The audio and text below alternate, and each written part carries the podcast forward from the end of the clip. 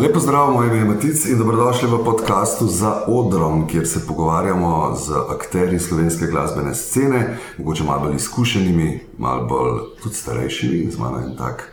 Gospod Nikola Sekulovič, lepo zdrav.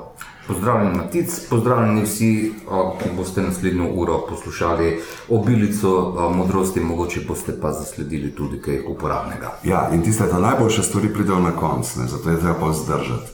Um, ja, zdaj sem hotel najprej ta citat, ki ga je mlad dejansko basist rekel zdaj enkrat na vaji. Ko sem govoril o tem, da bom tebe povabil, rekel Nikola, on je temelj slovenske glasbe. Zdaj, ne, ne želim, da to komentiraš, ampak to je bil eden izmed po, nekih pobud, recimo, za to, da te povabim. Ampak je pa res, da spremljam te že res, ne vem, po mojem, res že 30 let, predvsem zaradi te tvoje trme in ustrajnosti. Trditev v zvezi z celotnim glasbenim poslom in pozicijo glasbenika v celi sceni. To je sigurno bova do tega prišla. Sva si pa zbrala danes, tale dan ob kavi, dan po volitvah. In mislim, da smo imeli oba dva nek moment, zakaj je dobro to en dan po tem prazniku demokracije. Na hitro, kako se počutiš danes, ko smo svobodni? O, torej, imam veliko odprtih o, vprašanj, o, o, ni skrivnost, o, pač nek prejšnji režim, prejšnja oblast meni pretirano pogodo ni bila. Kako se bo nova obnašala, bomo spremljali. Torej, obetam si gotovo, neke stvari bodo drugačne, vendar v slovenski zgodovini smo bili že priča, kako so se tudi krasne zgodbe, zgodbe lahko sfižile. Tako da bodimo pozorni, obetam si pa, da, da bo nekaj sprememb na nekem širšem ali pa na nekem višjem nivoju. Predvsem tukaj mislim na vrednote. Torej, če imamo nekoč torej desno oblast, če imamo sedaj nekaj, če moramo nekateri reči levo oblast, pa bi to vseeno dal pod narekovaje. Gotovo je tukaj za pričakovati nek premik v, v družbenih dogajanjih, ki bodo imele posledice tudi za glasbeno sceno, tudi za razvoj tistih, ki so na začetku ali pa tistih, ki so v razvoju. Tako da mislim, da bo zelo zanimivo spremljati naslednje štiriletno obdobje. Ja, pa tudi zgleda, da bo kar trdno, ker je večina velika, tako da mogoče ne bo nekih turbulenc, bomo morali tole štiri leta. Pa, škaj, ja, uh, upam, da to res drži. Uh, uh, žali Bog, uh, jaz se malenkost ukvarjam tudi s poslom in uh, na drugi strani je glasba. V obeh polih pa zasledim veliko dozo iracionalnosti. Torej, um, v politiki se bojim, da, da še vedno je zakorenjeno uh, tudi to, da uh, neke stvari, ki so osebne, neke stvari, ki, kjer ego igra ključno vlogo, ne, uh, pogosto očitne koristi uh, za družbo, pa pogosto tudi očitne koristi za za posameznika, za akterja, niti niso v prvem planu. Ne. Poznamo te slovenske pregovore, sem da sosedu crkne krava. Veliko krat sem priča temu, da ljudje tudi v lasno škodo sprejemajo neke odločitve. Samo zato, da bi nafilali neke druge svoje interese, in mislim, da bo treba biti previden. Torej, ali, bo, ali se bomo hitreje premikali, zato ker bo najbrž neka večina v parlamentu malo bolj konsolidirana, mogoče.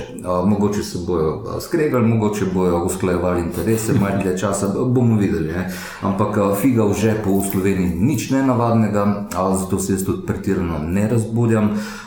Smatram, da tako kot v glasbi, pač ljudi drivajo različni interesi, različne zgodbe in to vse je treba upoštevati in svojo ladjo pilotirati tako, da znotraj tega sistema ne potoneš. To je prva točka, druga, da s to ladjo pa vseeno nekam prideš. Evo, pa smo razbila let, ne dosto politiki. To je to, mobil, kaj nam prenese čas.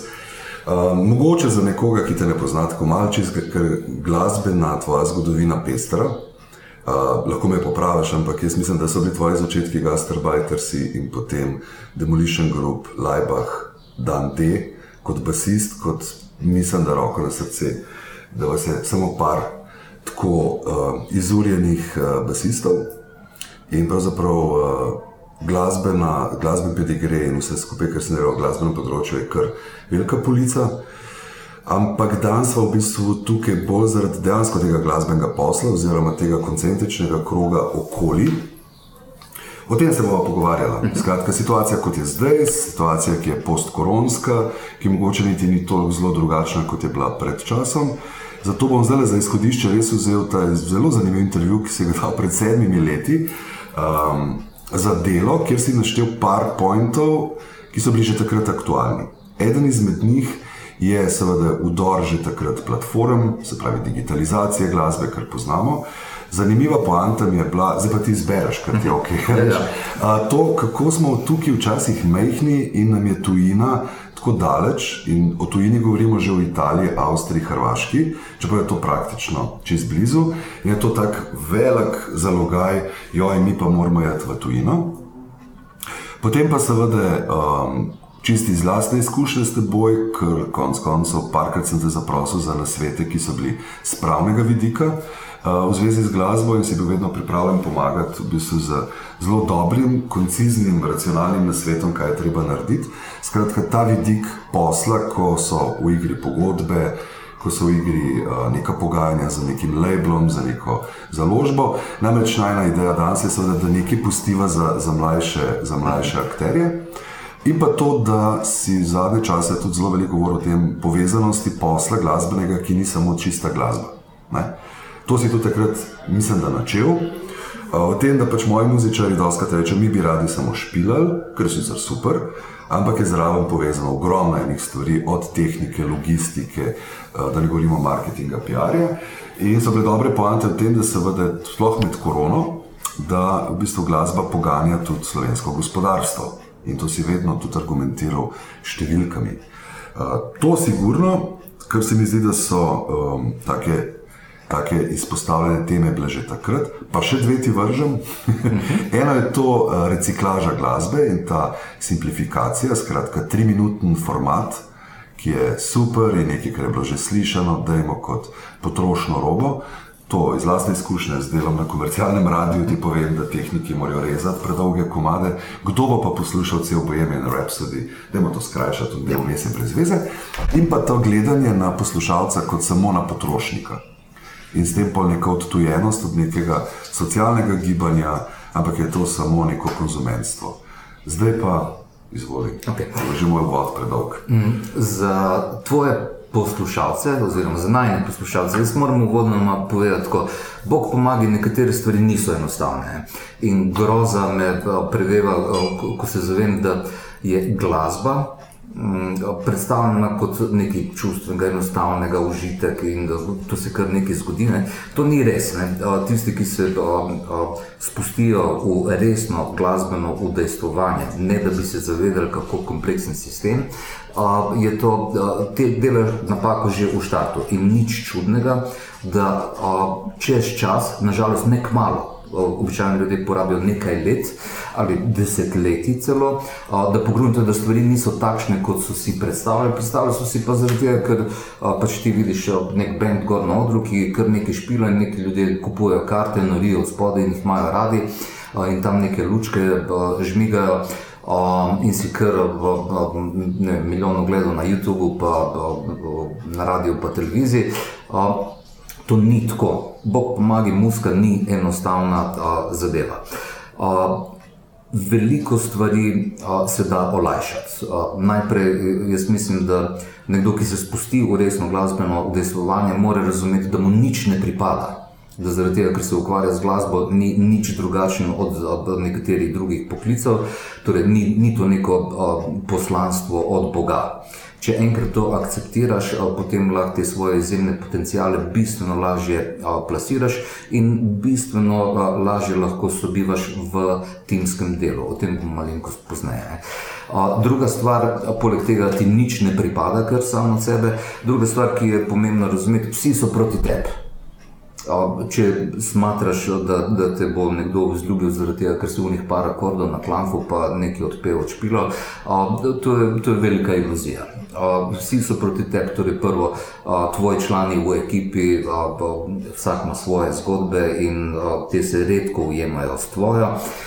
Drugo, cel kup glasbenikov, torej konkurenca, bi se temu reklo v gospodarstvu, njim ni v interesu, da bi tebi nekaj ratelj. Tam so neki posredniki, med posredniki so vršen tukaj široko paleto, torej od elektronskih medijev, ala radio, televizija, do spletnih platform, social media, tiskanih medijev, organizatorjev koncertov, menedžerjev, agentov. To so vse neki posredniki, ki pomagajo, da tvoja vsebina od tebe kot ustvarjalca pride do končnega člena v verigi, torej nekoga, ki bo mogoče blagovolil poslušati tvojo glasbo. Torej, vmes so vsi proti tebi. In enkrat, ko to razumeš, se, se tudi lažje spopadeš s tem problemom. Torej, če te dve iluziji odmakneš že v samem začetku, gredo stvari potem bistveno lažje in tudi hitreje. Mogoče dodam še tretjo stvar. V Sloveniji imamo še nekako zakorenjeno podobo ubogega, trpečega umetnika, ki ga nihče ne razume. Okay. Um, Umira za etiko, verjetno. Tako je, ja, dela v neki kleti, pa um, itak ni nobenega denarja, pa pije se poceni alkohol, pa kadi se poceni droga, pa, pa trpimo, pa ljubezen, pa vse to. Skratka, to so neki ostanki 19. stoletja, niti ne prejšnjega, torej 20. ostanki romantične podobe 20. stoletja, uh, ki so zaznamovali tega trpečega uh, umetnika. Uh, jaz kot uh, alternativno sliko sploh ko gre za alternativno glasbo, predstavljam nekaj drugega. Ne, torej, predstavljate si uspešnega umetnika, ki želi prezentirati samega sebe zunanjem svetu in doživi uspeh že za časa življenja, torej ne šele po smrti. Ne, in ima zadosti denarja od svoje dejavnosti, da si lahko plača in položnice, in inštrumente, ki jih potrebuje, in vse druge pogoje dela, in lahko na ta način tudi napreduje. Torej, mislim, da je potrebno v glasbi posebej ne, razbiti te mite o trpečem glasbeniku in iz njega narediti suverenega človeka, ki uživa v sadovih svojega dela. In tudi to se da doseči bistveno bolj enostavno, kot si ljudje predstavljajo. Uh, torej, sama zgodba je enostavna, težko je pa pri ljudeh. Torej, ti si iz poklica, uh, uh, veš, koliko stvari barva naše odločitve. Torej, če so te uh, odločitve postavljene na napačnih temeljih, pol Bog pomaga, nič ne bo pomagal. Ja, ne, um, če pa se spopadaš najprej samim sabo, uh, mislim, da je tu uh, zelo, zelo hitra uh, bližnjica do, do premika v boljše uh, življenje. Uh, v duhu tega bi rad dodal še to, da živimo v svetu, kjer trpeči umetnik sam ne more narediti nič. Torej, najboljša stvar, ki jo lahko naredi, da se polije z benzinom in zažge, in bo jutri slavno, ampak samo tega ne bo pač uh, veliko uh, imel. Uh, Um, torej, obsojeni smo na sodelovanje z drugimi ljudmi, in tu je ena skovanka, ki se mi je nehote, uh, kar sama poredila, ne, uh, katere so uh, ključne vrednote naših življenj, česa imamo premalo in zakaj se borimo. Torej, spopadamo se s pomankanjem časa, energije, pozornosti in denarja. V angleščini torej time, energy, attention, money. In če pogledamo začetnice teh štirih besed, se samo od sebe porodi beseda team, T-E-A-M. Torej, timsko delo to je posebna umetnost in mislim, da pač trpeči umetnik vnaprej izgublja bitko, ker težko sobiva v timu. Ja. Obstajajo sicer recepti, ukolikor si ti a, genialc, torej če si Leonardo da Vinci, da Picasso, da Salvador Dali. Um, mogoče ti bo uspelo z lastno uh, genialnostjo um, na vides samemu uspeti, ampak tudi te ljudje ne pozabimo, bili so odvisni bodi si od dvora, torej od neke aristokracije, bodi si od um, ljubic ali pa lupčkov, ki so jih sproti pač poflodrali in so pač oni suplajali te pomembne vrednote. Ne.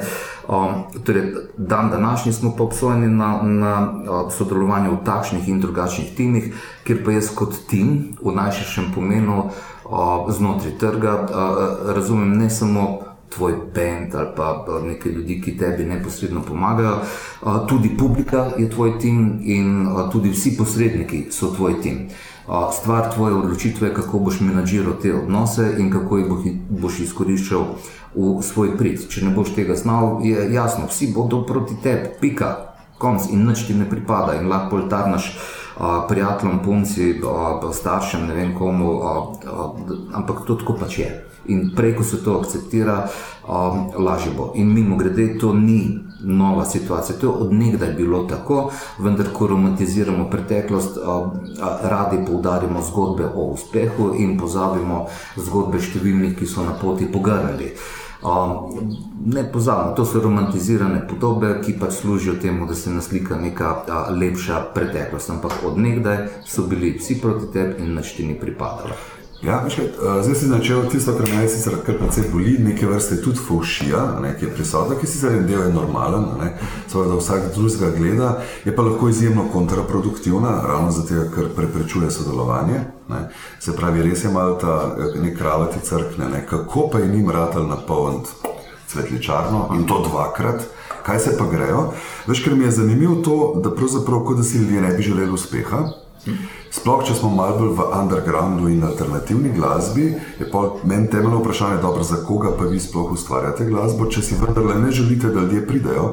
In ko pa nekdo pride za nekoga drugega, pa to ni dobro, ker je pa zdaj že prasec in se je prodal in je komercijalen in tako naprej. Zimo ta beseda komercializacija mene zelo moti, ker sploh ne vem, kaj to ljudje potem razumejo. Ko prvič slišim, da nekdo reče, no ta se je pa komercializiral. Želim pojasnilo, kaj je to. Ali on dobro živi od svoje glasbe, dobro, vse je spodobno, je to komercializacija, ali govorimo o kvaliteti glasbe, kjer je pač mogoče se zadeva rata bolj profana, pa bolj hojladrija. In mi načeloma ljudje ne znajo odgovoriti.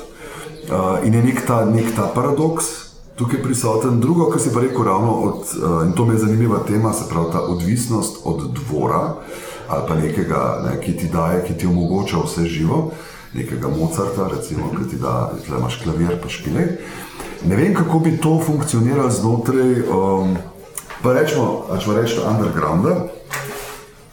Um, koliko lahko, recimo, se pravi, ne, kje je zdaj ta odnos med oblastjo in oblastmi, underground umetnikom, pa ne da je zdaj trpeč in da pač živi pod mostom.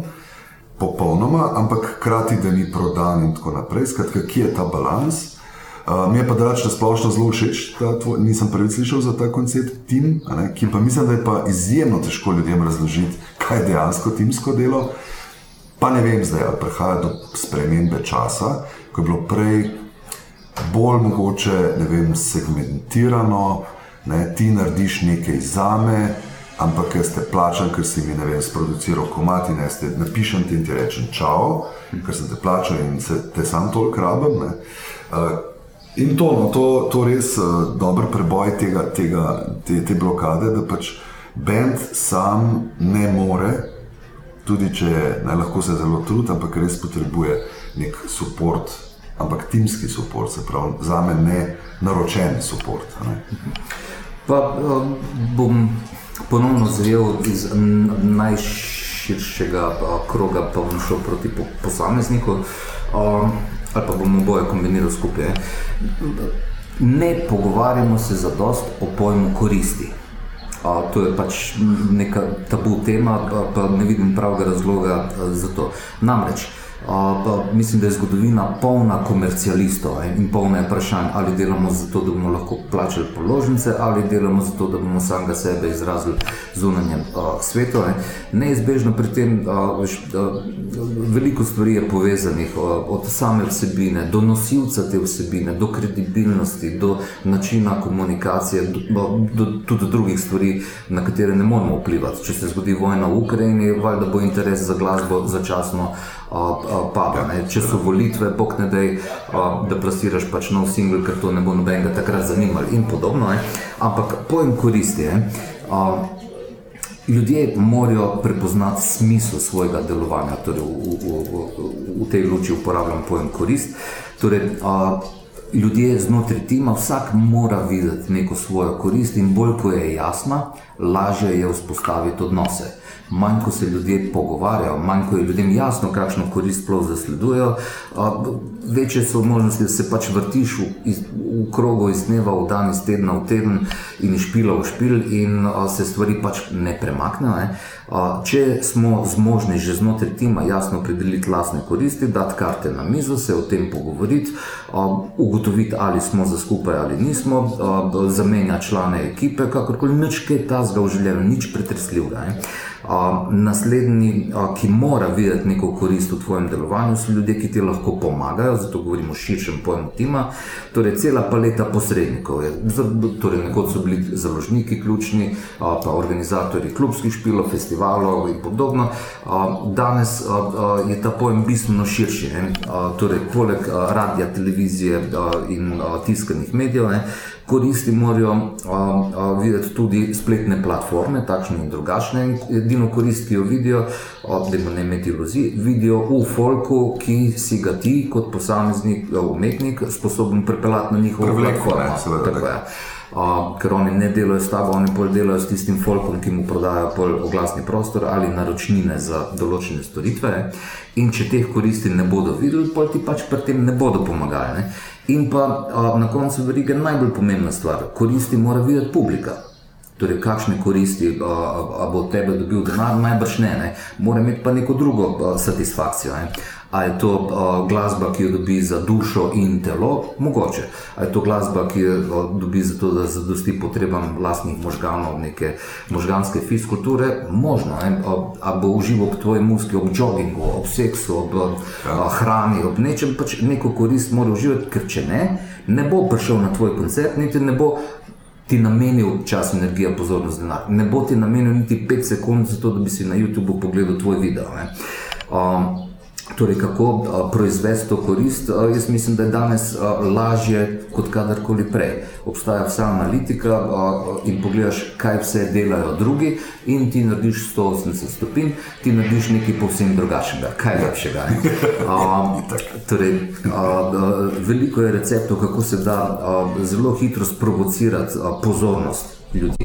Vprašanje pa je, seveda, koliko si sposoben to pozornost torej čas, energija, pozornost in denar poslušalcev na koncu verige. Um, če uh, uh, že dobiš nekaj od tega v štartu, je vprašanje, uh, ali si sposoben to monetizirati in ali si to sposoben vzdrževati dalj časa. In tu je recept zopet enostaven. Če počneš nekaj, kar ti ni domače, boš zgubil bitko. Enkrat se ti bo posrečilo, pa, pa bodo ljudje kmalo prepoznali lažnivca. Če če pa izhajaš iz samega sebe in to je najtrši del, treba je pač. Je to vas, malo ne? Tako je. Ja. In ugotoviti to, ne to, v čem smo si ljudje podobni. Ne? In to je moj očitek današnje glasbi, ne glede na to, se reče popularna, alternativna, kakršna koli underground. Ne? Moj očitek je, da se ljudje izjemno trudimo, da bi pogruntali, v čem lahko delamo podobno glasbo kot nekdo drug običajno kot nekdo drug uspešen. Um, in, in to mislim, da je, da je v štartu strelj v koleno. Namreč uh, ljudje, uh, če uh, pač kopiramo bolj znane vzorce, uh, raje imajo originale, praviloma, uh, kot pač ponaredke. Ne? Uh, to je prva stvar. In druga stvar, ki se je usilila, živimo v družbi, ki je izrazito potrošniško naravnana. Imamo cel kup uh, tehnoloških in drugačnih pripomočkov, ki uh, uh, lažejo, da pomagajo ustvarjalcem. Ni res, ne pomagajo ustvarjalcem, pomagajo, da ustvariš vsebino, ki bo uporabna za uporabnika na koncu verige, torej za poslušalca. Ne? In uh, tukaj ta potrošniško usmerjena družba pripomore k temu, da se uh, proizvaja vse več standardiziranih konfekcijskih uh, uh, izdelkov, torej komadov, recimo, ali pa koncertov, kjer proizvaja že znane vsebine, ki ustrezajo določenim standardom in ki jih folk bolj kot ne pač požre.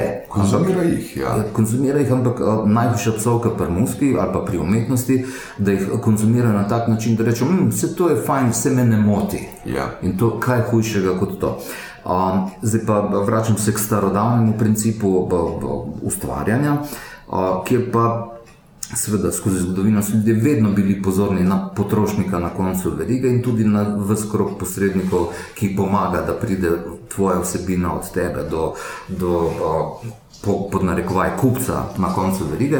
Vendar um, starodavno uh, je bilo tako, da, da, da je človek delal na sebi in pogrunto, da ga nekaj žuli, nekaj ga moti ali pa mu je nekaj zelo fajn in je želel to skomunicirati z unanjem svetu.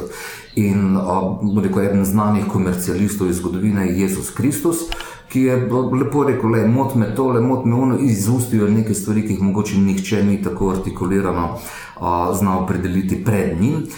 Imel je očitno nek šarm, najbrž imel tudi nekaj seksepila, zelo pomembna stvar v pop industriji, in je izkoriščal po, najboljši, po najboljših močeh razpoložljive komunikacijske kanale, zato da je svet spremenil po lastni podobi. Pustimo dejstvo, da, da, da je njegov pop izdelek, torej danes prevladujoča religija v svetu, ne, pa pustimo po strani tudi to, da, da se je to zgodilo nekaj sto let po njegovi smrti. Okay, Če bi danes razpolagal social mediji, bi se to mogoče zgodilo še za čas njegovega življenja, in mogoče ne bi tako klavrno končal. Ne vemo, kaj bi se zgodilo. Ne?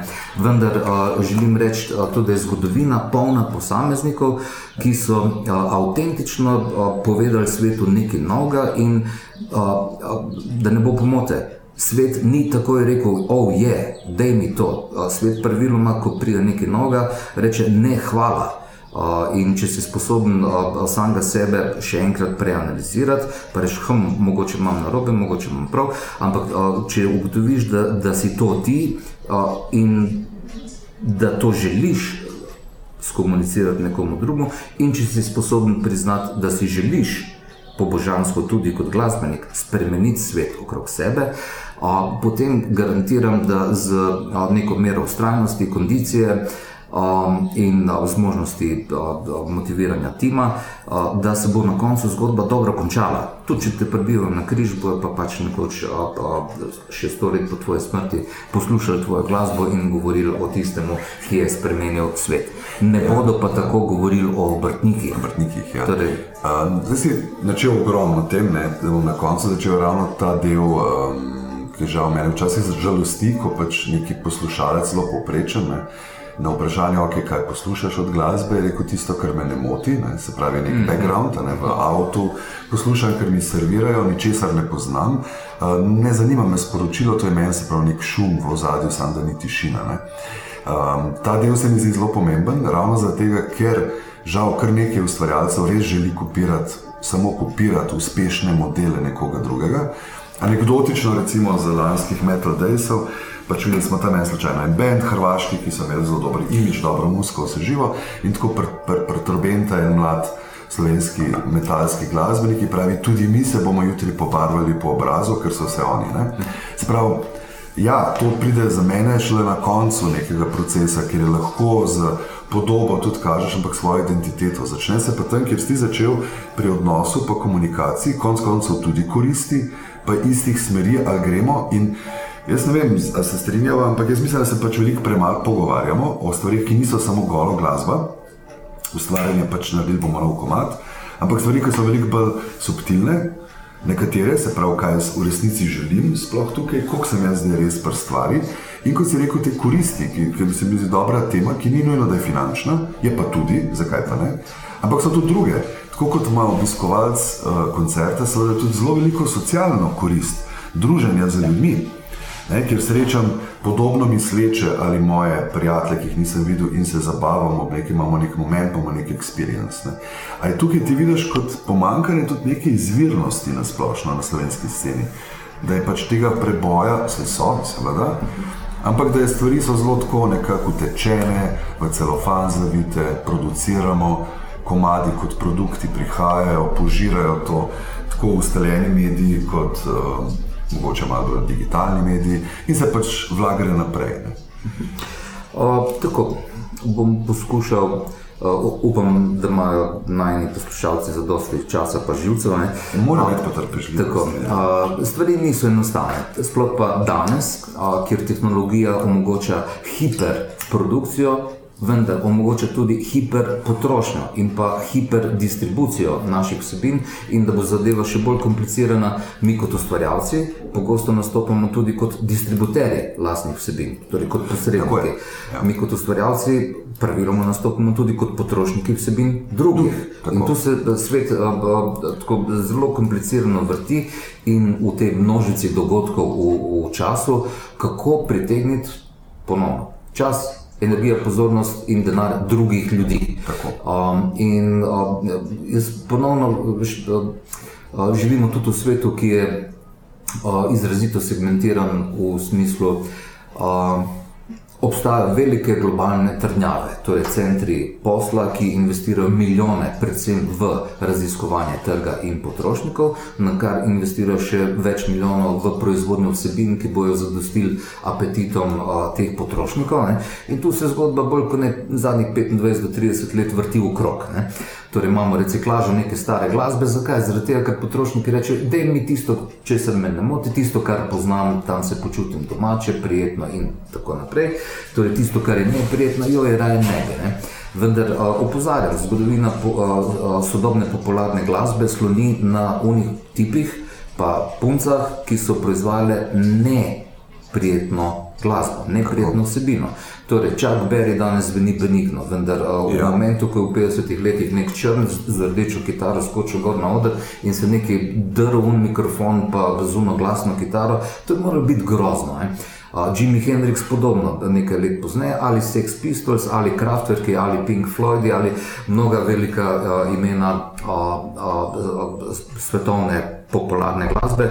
Spomnim se trenutka v 80-ih, ko je prišel a, a, znameniti slovenski glasbenik do mene in rekel: ti, A ti veš, da oni več ne delajo sploh glasbe, ampak kar govorijo nekaj.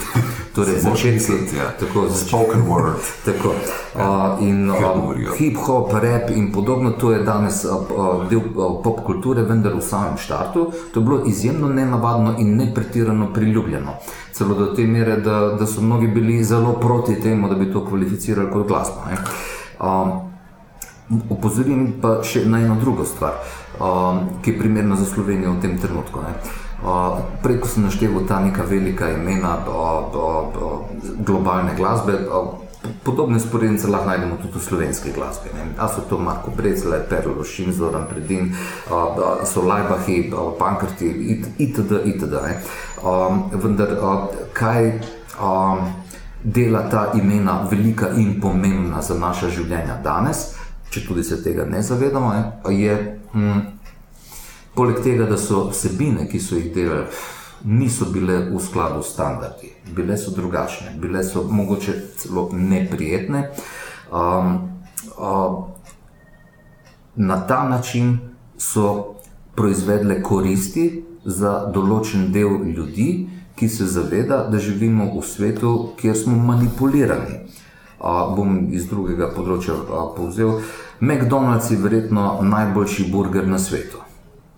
Zakaj? Sloni na dnevnem researchu potreb potrošnikov, sloni na uspešni zgodbi, na denarju, ki je na franšizah po celem svetu. In min grede, pač poješ tisti burger, pa bi mogoče še enega, kar takoj zraven.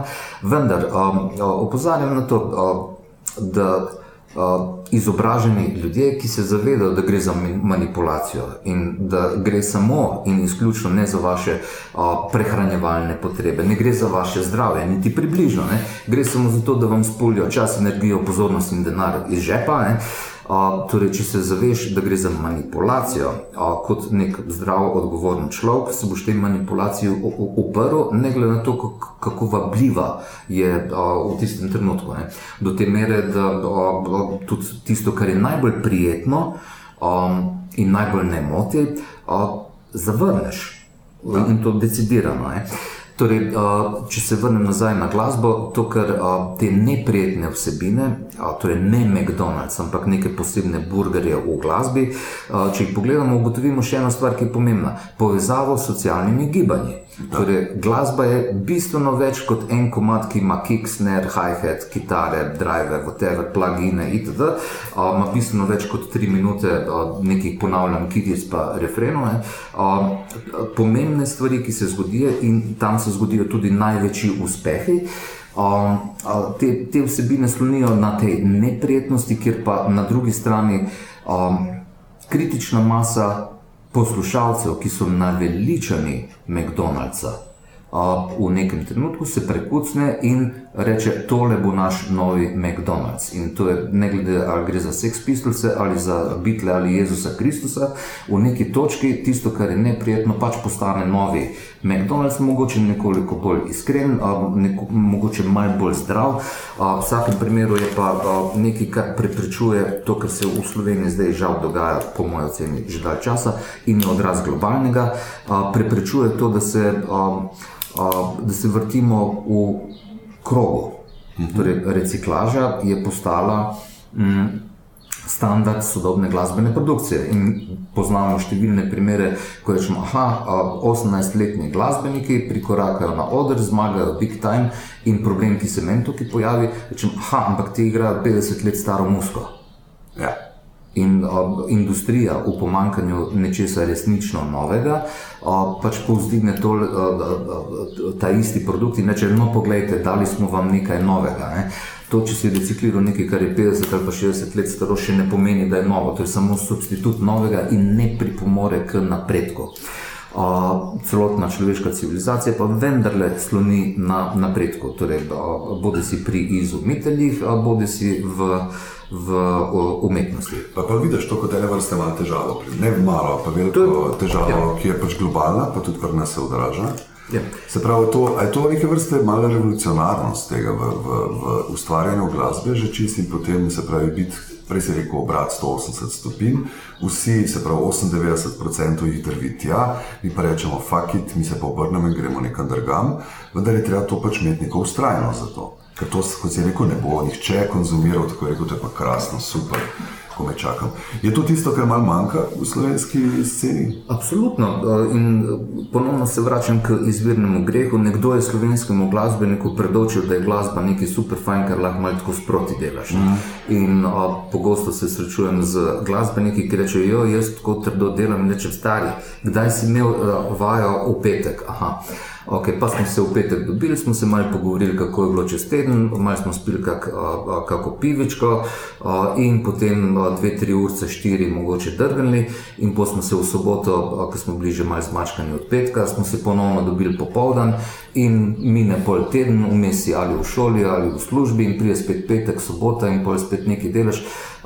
Dajmo biti realisti. Trdo delo pač ne pomeni tako kampanjsko pač nekaj malo praskati. To je delo, če se želite z musko ukvarjati, da je te akceptirati 8 ur na dan. Po tam malo. To je delo.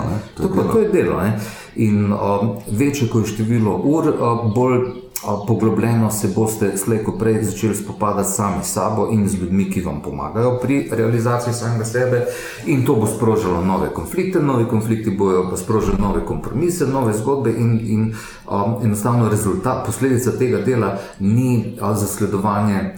Uh, uh, narediti produkt, ki je podoben nečemu drugemu posledica tega dela bo neizbežna, že samo zaradi vložene količine dela, bo, bo to, da bo na površje priplaval vaš pravi jaz in vaš pravi jaz običajno ni prijazen. Ta je zoprn, ne? Ja. ampak v tej zoprnosti not, um, uh, se skriva vaša avtentičnost. Um, in um, ljudje se, živimo v času, ko danes ni težko biti uh, učinkovit obstaja cel kup priročnikov za delanje glasbe, ali pa kako boš sestavil uh, omaro, ki si jo kupil v IKEA. Ja. Težko fališ. Ja. Um, vendar ljudje smo si v teh dobrih uh, obrtniških stvareh lahko zelo podobni. Uh, razlikujemo se pa tam, kjer imamo te lastne napake tu je ta naša identiteta. V tem, kjer smo domnevno napačni za družbo, če smo sposobni te točke identificirati, potegniti na površje, prvo, kar je za te kot človeka, je to dobro, drugo, če to vpliva na glasbo, bo gotovo glasbeni produkt drugačen, kot ga je sposoben sproducirati kdorkoli drug. V timskem delu, pa če daš recimo 5 ljudi, 10 ljudi ali pa 50 ljudi na kup. In če so te sposobni iskreno identificirati te svoje, um, um, um, um, grde točke, um, um, garantiram, da v tem delu pride do enega zvarka, ki, ki bo grozen, hkrati pa prav zaradi tega zanimiv za ljudi. Veš kaj, zelo malo hudičega odvetnika je igral, ne? zdaj tukaj je mlad glasbenik, ki reče: Super, Nikola, ki si to rekel, ampak se veš, jaz moram preživeti čez teden, tebi je lahko, ti si član etablirane slovenske skupine glasbene, da D za sabo imaš dolga leta že dela in verjetno nekega posla, dobro si na konektan. Jaz sem pa sam 19 let in se veš, mi se pa vendar lahko dobimo samo v soboto, ker noben ima časa in takrat spijamo tisto pivo, ampak se mi zelo garamo mi ful delamo tisto soboto, pa se tudi družimo. Kaj nam hočeš ti zdaj povedati s tem? Ne? Kako ne jaz urinam to, kakšno 8 ur dela, če pa vendarle delam v skladišču in prekladam ene pakete, se veš, da imam najemnino, ker nisem iz Ljubljana in ne ti meni zdaj prodajati tega. Ne? Kje je ta razkorak, Kje je to, kako to presešti, ker to je sicer čisto dejstvo. Ne? In tu, tu popolnoma enostavni odgovori obstajajo na to. Če delaš glasbo ljubiteljsko, če delaš zase, meni je to super. Ja, Vendar hobi. težko je pričakovati, da se bojo zgodile pač polne svetlečarne, kino šiške ali pa bog ne dej stožice. Matematika je dokaj enostavna. Če investiraš več, s tem povečuješ števi, torej frekvenco nekih komunikacij, stikov in podobno, tudi znotraj timskega dela, se razvijaš in prideš do nekega produkta, lahko teoretično, in na koncu lahko prideš do razprodanega velikega koncerta. Zdaj pa. In to zahteva čas, energijo. Podobno kot v vseh ostalih dejavnostih. Torej, če si izumitelj, težko da boš izumil zdravilo za raka, popolnoma na ključno, če si boš malo ljubitelj s tem nekaj. Tako je. Ja. Se igraš za provetami. Je to profesionalizacija? To pomeni to, da moraš se profesionalno odločiti, da si pač glasbenik? Ne, sploh ne. Mm. Pomeni, da, oh, da moraš resno misliti to, kar govoriš. Ker namreč, ko pride nekdo k meni in reče, delam glasbo samo zase, je moje naslednje vprašanje, zakaj si prišel k meni? Prišel si praviloma k meni, zato da ti pomagam, da tvoja glasba od tebe preide tam do konca verige, do malo več ljudi. In da ti pomagam, mogoče pri katerem od posrednikov. Torej, Očitno želiš spremeniti svet, očitno želiš biti malo onega gospoda z brado. Ja, želiš stavljati malo. Tako želiš, da je nekaj malo bolj po tvoji podobi in a, če to drži, težko reči, da to počneš samo zaradi sebe. A, odkrito priznati, identificirati, da to počneš iz nekih drugih vzgibov. In a, pri tem a, veliko. A, Veliko stvari bi rad uh, pograbil v, takem, uh, v taki komunikaciji, ki je doživljena, mimo grede, pogosto. Torej, vsaj enkrat na teden mi nekdo pride z nekim uh, hudim problemom, ampak uh, dejstvo je, da uh, rad imam tiste, ki iskreno lahko povejo svojo težavo. Bom ponazoril, super mi je, ko pride tip k meni in reče: Poslušaj, stari, jaz sem že deset let legenda, vsi mi priznavajo, da super pojem špilam v tebe, nekaj delam super komade. In reče: Ampak jaz nimam za položnice. Rečem, okay. In če je ob tem pripravljen reči, idealna kombinacija za me. Ne bi rad spremenjal vsebine, ker mi je jasno, kaj govorim. Pripravljen sem pa na vse možne kompromise pri trženju te vsebine, uh mhm. -huh. torej komunikacija s posredniki, komunikacija s publiko ne? in pa z svojim timom. Ne? Pripravljen sem na vse kompromise, a, samo zato, da, tomu, da ta moja glasba pride v okvir 20 ljudi. Rad bi, da to sliši 2200 ali pa 2 milijona slovencev ali cel svet. Če si sposoben te stvari identificirati na tak način, je to super poligon za igranje. Težava se pojavi takrat, ko ljudje rečejo: Ej, stari, jaz to delam, tole je ful, dobro, to bi ljudje ful radi imeli, vendar veš kaj, vsi so proti meni. Ja. Torej, vsi ja. so proti tebi, akceptiraj to, pika. In zdaj pa prepričaj, da ne bojo proti tebi. Edini način, da jih prepričaš, da imaš izjemno vsebino in da v tej vsebini oni drugi pač prepoznajo neko korist. Pika, zelo enostavno. Um, Pa kako gre, recimo, to, ta debata?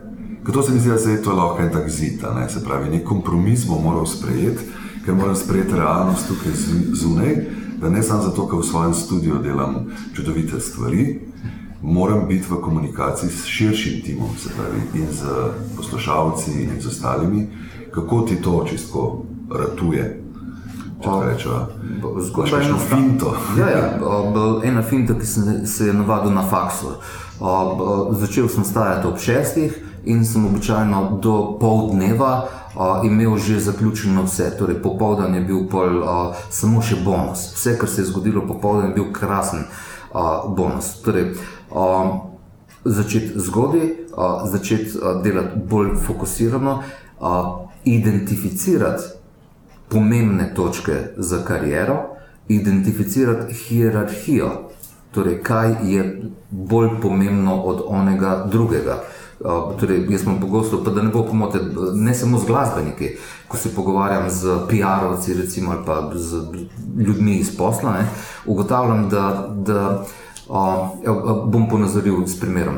Uh, v komunikaciji s PR-ovcem rečem, ok, tukaj je recimo, ta pa ta album ali pa single, kaj bomo zdaj s tem naredili. In ni hujšega za me, kot nekdo reče, ah, lahko imamo intervju na tistem radiju, pa lahko bi imeli naslovnico na tistem tiskanem mediju, pa bomo dali to v, hej, počasi, dajmo hierarhijo vzpostaviti, sistematiko in potem se bomo lažje uh, lotevali tega. Še enkrat ponavljam, to ne rabi vplivati na glasbo ravno obratno. Bolj ko je glasba razvzdana, bolj ko je blesava, bolj ko je odraz ob, ob vaših nebuloz, za me boljše. Ampak, o, ko pa začneš s tem delati na trgu, takrat pa moraš prevzeti kontrolo. Moš prevzeti vajeti v roke in te, o, težko se to dela pač stihijsko. Ne? Če ne znaš tega sam, se boš moral naučiti. Če se ne znaš naučiti, če se ne želiš naučiti, boš moral vzeti profesionalce, da ti bodo pri tem pomagali. Profesionalci bodo morali videti v tem koristi. Evo, tipičen primer, spet pridemo s konta do mene in reče: Ej, stari, ti poznaš unga agenta, bi on meni zritil 50 špilov po Sloveniji. Rečem, stari, ti si roba, ki je na trgu vredna, recimo, pogojno, maybe 150 evrov na špil, ali pa 300 evrov, ja, pa recimo, da ja. si 500 evrov na špil vreden. Ne? In na drugi strani je profesionalc, ki bo od tebe vzel kaj, 20%, recimo, recimo, ja. torej 100 evrov, ni slabo. Okay. Vendar za teh 100 evrov bo moral preprič, prepričevati organizatorje po celi Sloveniji, da te vzamejo na špil, oni te pa nočejo, oni bi raje tisto, kar poznajo, tisto, kar je močnejše. Okay. No, kako boš ti zdaj zmotiviral tega profesionalca? Reči, ne dam ti 20%, dam ti 50%. On reče, ah, 250 evrov, še vedno bom imel problem, kako zmotivirati organizatorje, da te vzamejo. Ja. Imáš uh, tretji poslovni model, reče, stari, dam ti Jurja za vsak špil, ki mi ga zritaš. Mm. Veš, da tega to, denarja nimaš. To ni, ne, to ni, ja. Ampak. Um, Torej, uh, uh, nekje je treba začeti, mislim, da najboljši začetek je tam, kjer je najtežje in najbolj enostavno hkrati. Vsebina.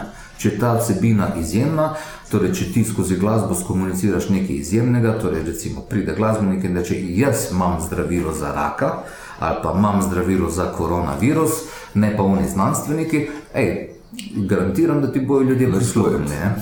Um, in um, ponovno napaka, ki se zgodi tukaj na poti, je, da, da glasbenik pač pogosto smatra, da bi založba mu morala prisluhniti, ampak bodimo realni. Ne? Kdorkoli od posrednikov dnevno dobi kanonado nekih ponudb, in če bi preposlušal vse komade, ki jih dobi, če bi pregledal vse YouTube linke, ki jih dobi, to ni šans, ni tega časa. Mimo grede, tudi če bi ga dal, in reče, ok, zdaj pa moram zanemariti delo z velikim produktom, s katerim se trenutno ukvarjam. Zakaj bi? Neko korist moč vedeti. Če nimaš denarja, s katerim si kupiš profesionalce, najboljši način je, da ga zašekmiraš z unikatno vsebino. vsebino ja. to je, to je, in, in to je nekaj, kar a, ne stane a, nič, ja. razen tistega najboljšega. Moš veliko podelati na sebi. Evo, super, na pauzi smo. V podkastu za odrom je tale polovička. Gremo na VC ali ne vem kaj. Okay. In zdaj pa glasbena želja na vrsti. Me prav zanima, kako me boš presenetil.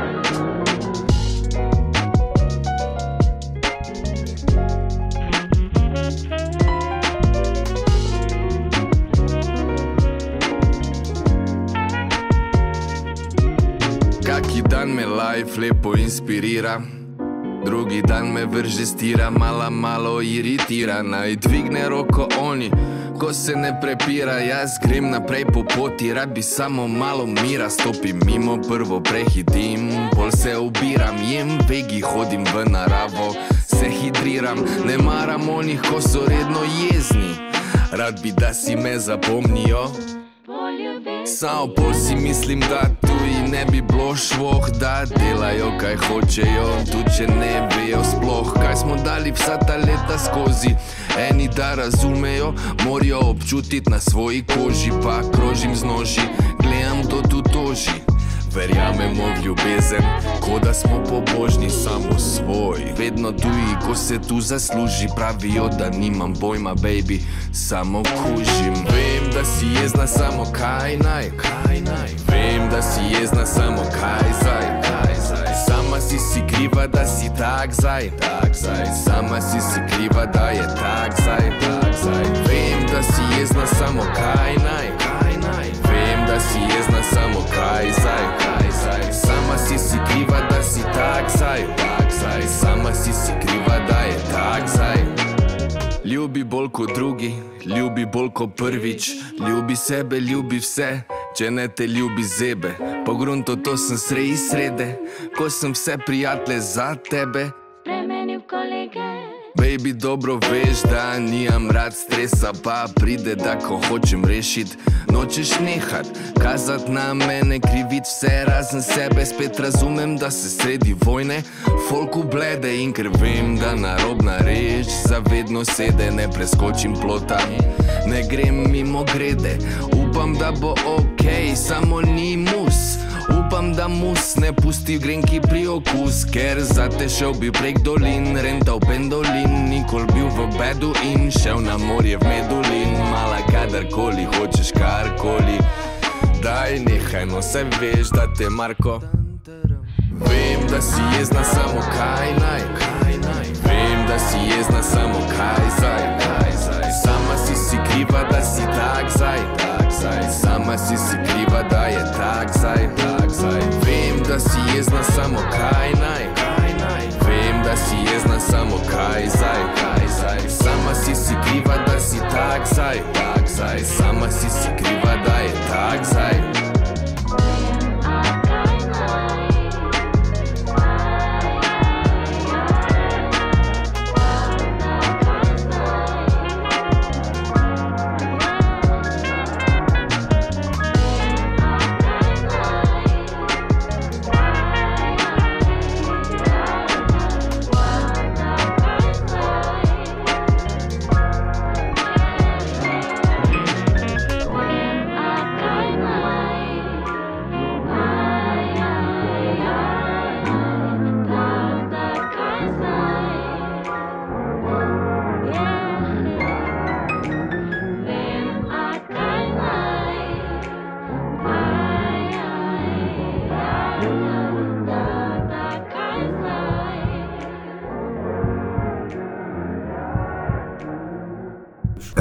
Sekulovič, podcast za odrom. Uh, dobro smo se ugrela. Uh, zdaj si mi spet odprl nekaj novih horizontov, kar pomeni, da danes sploh ne bova zaključila vsega. To je neskončna, to je nevrednik story, to je neka debata, ki se vleče.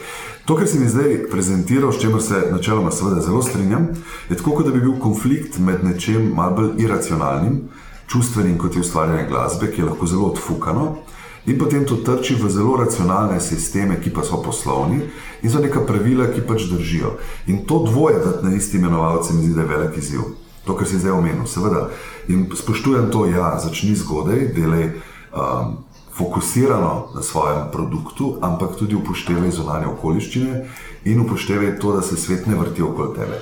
Kljub temu, da glasbenikov, ja, veliko egocentričnih, veliko zagledanih, samo moj produkt je tako najboljši, sem ljudje so glupi in tega ne prepoznajo, ampak bodo že sami prišli. Tako da to se mi zdi, da je nek balans v tem.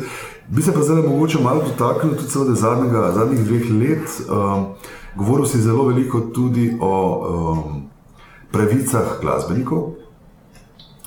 Uh, in nisva še niti toliko se dotaknili tega, te pomembne teme, kako je pravzaprav samo glasba za vsem poslom, pač res eno gonilo, pa konec koncev celotnega gospodarskega razvoja v tej naši državi. Ne. Prehajajo se zelo uh, povednimi številkami, ki so bile visoke. Uh, tega, kaj pravzaprav to zagoni, ne? kaj zagoni en festival v, Ljublja, v Ljubljani, ja, konc koncev v Sloveniji, en festival, koliko enih ljudi, koliko je to pravzaprav turizem. Ker smo začeli sicer pred skoraj eno uro s politiko, uh, pravzaprav glasba ne paše samo v kulturni resor, definitivno paše v gospodarstvo, uh, za moje pojme paše pa tudi v šolstvo. Uh, ravno zaradi mulcev, ki prihajajo pa tudi dostikrat zelo v bistvu z neko željo delati nekaj, vendar so zatučkani in za, za, za, za, zamorjeni zaradi šolskega sistema, ki pa ravno nekih eh, nenavadnih stvari ne spodbuja, ampak želi seveda mediokriteto in tisto povprečje in kurikulum. Ampak mislim, da je zdaj mogoče malo proti gospodarstvu oziroma celi tej zgodbi. Pa kje je tukaj Slovenija, ki se meni zdi pač enkraten poligon za ustvarjati take zgodbe? Okay, uh, bom jaz na mesto, da bi šel na ože, bom šel še malo na širše. Odlično. Torej, rekli smo politika, muska, pa pač par stvari smo se dotaknili, slikarje smo omenjali. Rad bi izpostavil športnike uh -huh. in se dotaknil tega, s čimer si začel. Ego. Spodbujam ego, mislim, da ga je premalo. Uh, mislim pa, da ga ljudje premalo uh, določno uh, definirajo in uh, komunicirajo z zunanjem svetu. Poglejmo uh, Ronaldo, Messi v futbalu. Torej, za me sta to dva pač uh, umetnika, ki poleg tega, da očitno uh, znata nekaj narediti, česar drugi ne, ne znajo, poleg tega še trdo delata. Poleg tega v timu, za razliko od mnogih slovenskih uh, futbalerjev, uh, ko nekdo naredi drug napako, se ne jezita na njega. Mi grede, vidiš, kako stiskata zobe, pa vse, ampak ni unih psov, pa mahanja z roko. Tako, ne. um, Torej, zavedata se, da sta odvisna, da svojo umetnost lahko plasirata in gol zabijeta uh, samo v kontekstu svojih soigralcev, uh, v kontekstu svojega tima, trenerja, v kontekstu unih stewardov, ki pobirajo žoge, v kontekstu fanov, ki so na tribunah ali pa pred TV ekrani, v kontekstu biznisa, ki omogoča, da se sploh ta nepremičnina, kot je stadion, ki stane silne milijone evrov, brez tega tudi ona dva ne bi mogla svojega dela upravljati. Zavedata se, da morata s svojim denarjem upravljati tudi na način, da v kakšne davčne oaze stisnete, okay, da bo pač kaj ostalo za, za kakšne bolj grozne dni. Torej, Fuzbalerji so za me primer, kako se glasbenik lahko obrne tja, malo pošnjofa in pogleda in uh, ugotovi, pa poglejmo basket, recimo, ne, če še malo razširim zgodbo. Ne, uh, briljantna figura na terenu, ki jo izvede Luka Dončić, super, ampak uh, moramo se zavedati, da za to umetnostjo stojijo ure in ure trdega dela, stoji tim, stoji cela uh, ekipa ljudi in nekoč. To ni bilo tako. Ta Luka Dončić je pač isti tak kot ste vi. Nekje je tam pač zrastel v nekem kontekstu, zdaj pa kaj bo iz njega ratalo, je odvisno od njega, staršev, okolja, šole, učiteljev, a, ljubice, od ne vem koga. Ne. Um, Torej, od veliko stvari je odvisno, kako boš posmeril svojo kariero, je pa vprašanje sprejemanja odločitev na tej poti. Ne? In če imaš občutek, da si pač najpametnejši, e, tu, tu mislim, da ne bo šlo dobro skozi. Moraš biti pripravljen poslušati druge in a, pač si ustvariti svojo podobo kompleksnega igrišča, ali je to basket, ali je to futbol, ali je to muska. Pa Ni, ni bistvenih razlik. ne. Vse to na koncu pač nek šov biznis. Uh, edina razlika, ki je, v športu so rezultati merljivi, v muski niso. Veliki so glede poslušalcev. Ja, ampak ti imaš platformah. iz, iz tekme na tekmo, imaš merljivost, ki je pa v muski nimaš. Nimaš, Dam ja. ti prizor, kjer pride bend.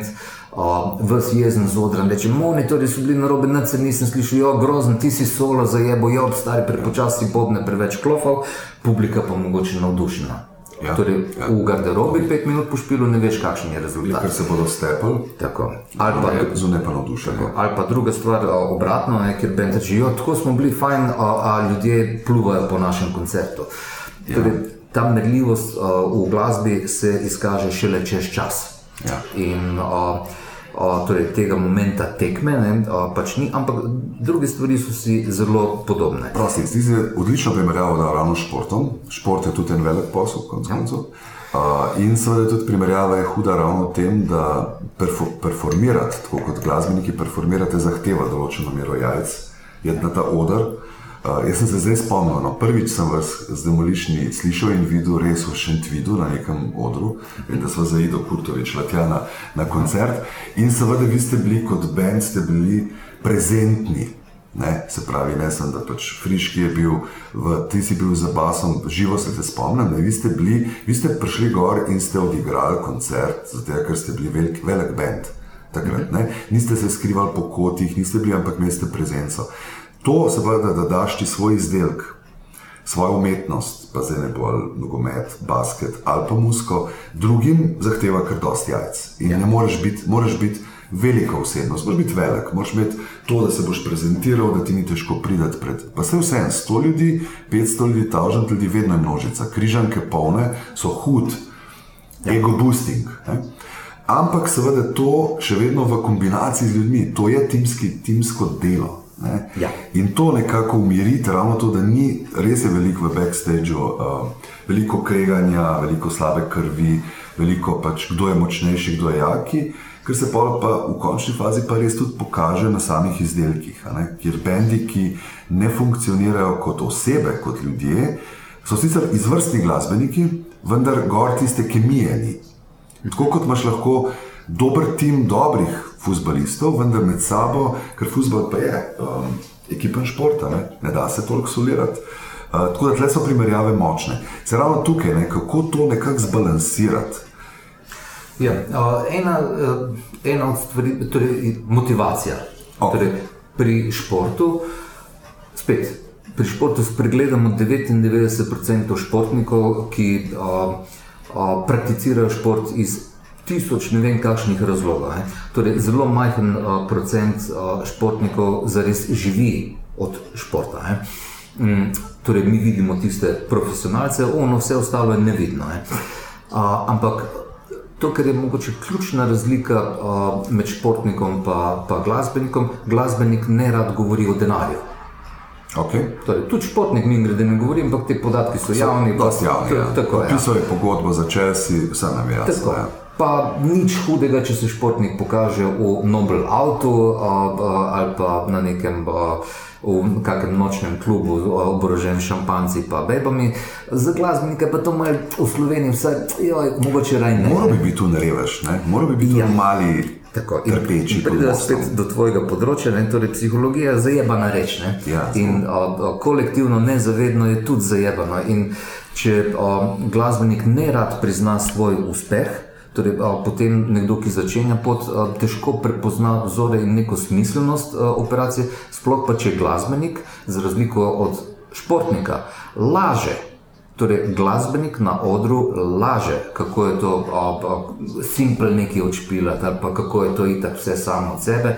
Torej, glasbeniki ne radi razlagamo, koliko a, a, ur svojega življenja smo investirali v to, kar počnemo, da je to danes zgleda kot samoumevno. Še več bom ponazoril z eno od največjih neumnosti, ki sem jih slišal. Nekoč izjemno popularni glasbenik George Michael je stopil na oder polnega Wembleya po koncertu in je rekel ljudem, torej tam desetinam Množici. tisoč množici, je rekel, joj, kako ste vi fajn, veste, kako sem danes užival, pa nekaj, jaz gledam to in rečem, budalo tih bot. Da jim raj povej, koliko si ti moral dreka požreti, koliko denarja, časa, energije, pozornosti si moral posvetiti temu, da priješ do tega Wembleya. A, To jim povej. Ampak glasbenik je naklonjen temu, da na odru simulira Feel good tako film, ne. da To se je pač, fajn ne. imeti fajn, to je vse tako enostavno. Ker če ne, se zgodi en psihološki obrat, ne, do, o, ki negativno vpliva na glasbenika na začetku poti. Psihološki obrat je pa naslednji. Če un moj vzornik pravi, da to tako je, če to zgleda, da to tako je, a, zakaj pol pri meni tega ni? In če ne najdeš odgovora a, na, na to, pol, pol, pol bo zmeda. In a, mislim, da zavest o, a, o integralni zgodbi in športnik ima v integralni zgodbi tudi to na koncu Maurice, ima vrečo z denarjem. Da. In če bi glasbenik razmišljal o tem, a, bi mogoče lažje kakšno odločitev sprejel na svoji poti, če bi se zavedal, da to obstaja in če bi se zavedal, koliko velika ta vreča denarja sploh je. ker k meni prihajajo ljudje, ki rečejo, stari, jaz ne vem, koliko zaračunati za koncert, pogajam se za ložbo, ne vem, kaj od njih zahtevati. Torej, delujejo popolnoma neuki, neizobraženi, če tudi danes živimo v, v obdobju, ko so vse te informacije bolj kot ne na razpolago. Um, Samo nam je pa neprijetno se pogovarjati Ja, o denarju. ne. izjemno, ja, pa pomaga. To pa ne, to pa ne bi. Ne. Jaz pa lahko garantiram, da je ni bolj prijetne stvari, kot če človek lahko živi od sadov svojega dela. In mi grede, ne rabi biti superstar. V Sloveniji je cel kup glasbenikov, ki živijo od glasbe. No, to sem te hotel ravno vprašati. Živijo, ker to mi Seveda. mlajši pravijo, da to ni možno. Jaz se vidim, da se ve, da živijo. Ne živijo, ampak Ne živijo pa. Pač. Pogoj pa je, da a, v verigi tega širšega tem, tima drugi prepoznajo korist. Ker če ne bojo prepoznali koristi, zakaj bi tebi dali denar? Torej, tipičen primer, nekdo je zaposlen a, kot glasbenik v državni inštituciji, čuj, neka korist za nekoga tukaj obstaja na državnem nivoju, a, kjer se odločimo, da potrebujemo simfonični orkester, potrebujemo opero, balet, potrebujemo orkestre radijskih, televizijskih postaj in če jih potrebujemo, če imamo neke očitne koristi od tega, dajmo te ljudi plačati. A, Če greš špilat a, v ortobar, torej a, mi smo zdaj to testirali, Dajmo zdaj čisto konkretno se pogovarjati. 450 ali koliko ljudi pride, plačajo 20 evrov karto. To je nek denar, to je To se da 9000 izračunati, no, to je zelo enostavno. 9000 evrov bruto karta, pa, pa treba vedeti, da je treba odšteti provizijo za predprodajo, pa a, a, DDV je treba odšteti, pa provizijo Tako. za plac, pa treba pice plačati, pa benzine, pa varnostnike, pa plac, naprej. pa Tako, in si lahko- lučkarje in tako. Ja. In pa ostane. ne. Nekaj pa ostane, tako. Vemo pa tudi, da če pride 20 ljudi in plača 7 evrov karto, torej 140 Ja. ja. evrov, ko začneš tukaj odštevati te stvari, veš, da ne bo nič ostalo. Smo na kavi. Ja. Tako, če, če, če nismo to minus, play. če nismo tako, ja. Uh, in uh, zavest o tem, uh, ali se nekaj da, ali se ne da, uh, odgovorno izjavljam. Pač po Sloveniji ob- obstaja, uh, bom dal primer. Uh, cel kup izvajalcev, ki delujejo v formatu duo, trio, kvartet in podobno, špilajo po porokah, pač, to so se odločili, to jim je fajn iz nekega razloga, kuk je gaža, pa le, začne se verjetno pri 400, 500, 600 evri, pa pa še za vsako uro še malo ekstra not. So izvajalci, ki pač odkorakajo iz poroke v soboto z, ne vem kaj, Jure pa pol ali Tako, tudi več. 1500 do 2000 lahko to je. O, in zdaj se izračuni, da porok je, hvala Bogu, velik in če si ti dober, če prepoznajo oni, ki te najamejo, koristi v tebi, zakaj bi vzeli tebe, ne pa onega drugega. Ja. Mora biti nek faktor, zakaj Nikola, se tebe to ni umetnost. No, to, to, zato sem namenoma začel z obrtniškim uh, delom. ja. Obstaja tudi uh, ultra umetniški, kjer pa uh, koristi prepoznava manjša množica ljudi, zdaj pa tu obstajata tudi, tudi dva izhoda. Če je majhna množica ljudi, torej če gre za botične izdelke, ali je ta množica ljudi pripravljena plačati za špil, recimo 100 evrov, kar, 1000 evrov za karto. Bo, če bo nekaj izjemnega. Torej, imam zdravilo za raka, brez skrbi, pokala, Jurja po glavi, da lahko zaračunaš. Ne? Torej, ali bo prepoznala država neko korist v tem in ne glede na ekonomsko korist v tistem trenutku, širši interes, definira, da lahko pač imaš mesečno plačo 2 evra bruto na mesec.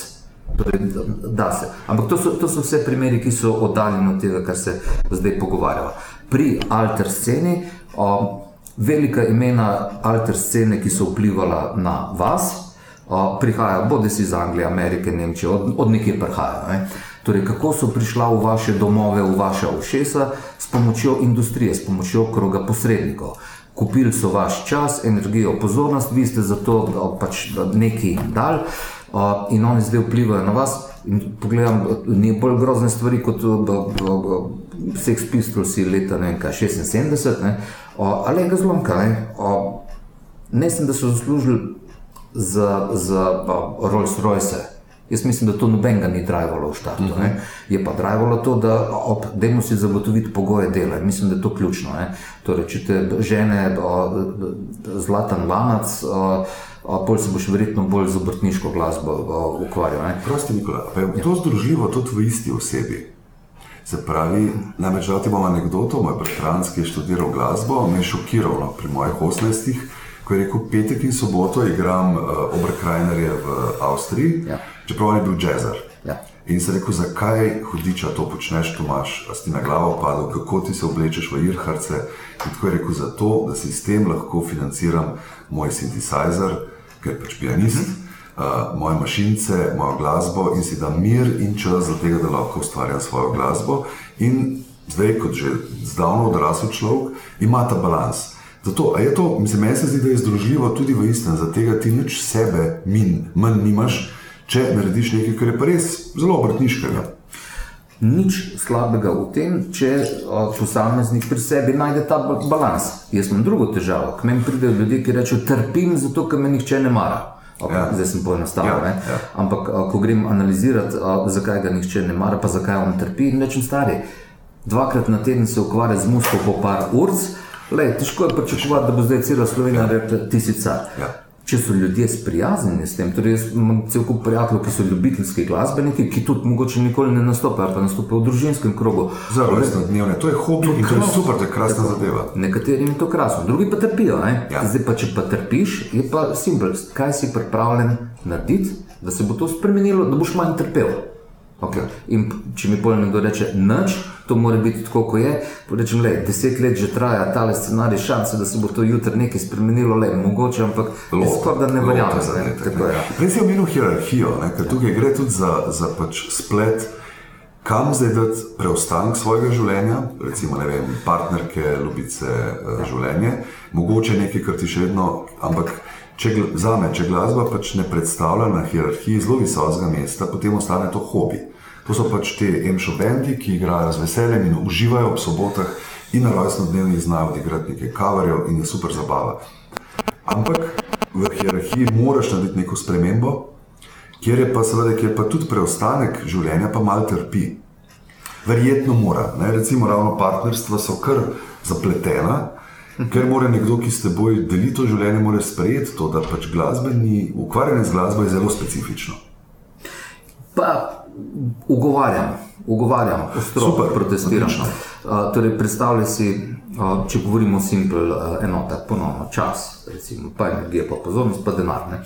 Uh, nekdo hodi 8 ur na dan v službo, kar pomeni, da ga doma, rečemo 10 ur bruto, ga doma ni. Ne? Torej, ali družina, ki trpi uh, zaradi tega. Najbrž da ja, bolje bi bilo, če bi bil doma, pa če bi bilo vse. Ampak uh, realnost je takšna, da večina ljudi živi takšna življenja. Torej, da delaš v trgovini kot prodajalec, ali pa v banki, ali pa na občini, ali pa učitelj, uh, zdravnik, karkoli. Uh, torej, ti se izrežeš za ta čas iz svojega okolja, koliko tega svojega delovnega okolja boš prinesel domov. Torej, poglejmo zdravnike, ne, koliko travm, ki jih doživijo v delovnem času, prinesejo domov. Jaz si ne znam predstavljati tega in to so individualne pol, a, te a, kombinacije, ne, a, a, kako doma lahko s tem svojim prejšnjim delom dneva sobivaš. Um, in podobno je v glasbi. Težava, ki jo imam jaz, je nerealnost uh, pri glasbenikih, ki rečejo: blazno velik sem se namatral in rečem: stari, je bilo 8 ur na dan, vsak dan, zadnjih 7 dni, ne ni bilo. Mm -hmm. Torej, uh, redki so tisti, ki rečejo: oziroma. Um, in uh, podobno kot v drugih stvareh, ko se pogovarjamo o, o nesreči posameznika, uh, je zelo enostavno. Če delaš recimo na banki 8 ur na dan, 5 dni na teden in pol pride um petek, težko da boš ti v petek s svojim bendom v vrhunski formi, da boste. seveda. In soboto pa tudi dvomim, da pa bo že to. ja. Ampak da se, da se, vendar ne pričakovati pol neke krasne zgodbe o uspehu, to je loterija. Ne? In alternativa temu je, da se odpoveš 8-urnemu delovniku na banki in rečeš, ups, tvega. Kaj pa je to Tvegati, drugega, kot ja. uh, ž- živimo v kapitalistični ureditvi, ne? kjer je tveganje sestavni del življenja. Zdaj pa uh, korist. Pridemo spet do tega. Zakaj bi pa tvegal, če je tam uno bolj stari? Če si postavljaš to vprašanje, pol nisi ta prav. nisi za to, Bolj ja. se nekaj razmišljati o profesionalizaciji. Ja, ne. brez veze, ja. Ne, se, drugače, jaz čisto strinjam s tabo in mi je to tudi zanimivo, ravno zato, ker odpira mi glavo zdaj na polno. Prej si rekel, to mi je zelo zanimivo in pomembno, ki si rekel George Michael. Jaz mislim, da je teh mogoče zgodb um, vas malo bolj izkušenih v tem, da ste se hudičevo najebali, premalo. Da je ta enostavnost, ne, zdaj spet gremo anekdotično. Ne, eh, Bigfooti bodo letos praznovali 30 let, čeprav v bistvu je 32 let, pa so karte dve let stare. In slišimo, da njim je lahko, njim je tako lahko, ker oni pa sam pridejo in seveda napolnijo katero koli telovadnico in karkoli. Zelo malo ljudi se je pogovarjalo z njimi, koliko časa oni niso nič uspeli, to je 30 let. In tle je bilo nekega jebanja in drkanja in seveda dela. Ravno v tem, ko je ta zgodba deluje enostavna, nekemu mlademu glasbeniku deluje, poglej, kako je njemu enostavno ratelj. Ne? In se mi zdi pomembno, da poveste, da delate tudi, recimo, da verjetno tudi ti vadiš bas, kdo bi si mislil, ko pa vendar ga tako dobro šp- špilaš in na odru zgleda, poglej, ga Nikola gre, vzame tiste štiri strune in trlam gre, ali pa ne vem, nek Jani HC, deluje, kot da to njemu, njemu to zjutraj ustane in je. Da bi se delo v ozadju in seveda vložek energije, ki pa na drugi strani, ja, Ja, seveda pač ne moreš biti pa na dveh koncih hkrati. Jaz vidim velikih, ki so potem utrujeni.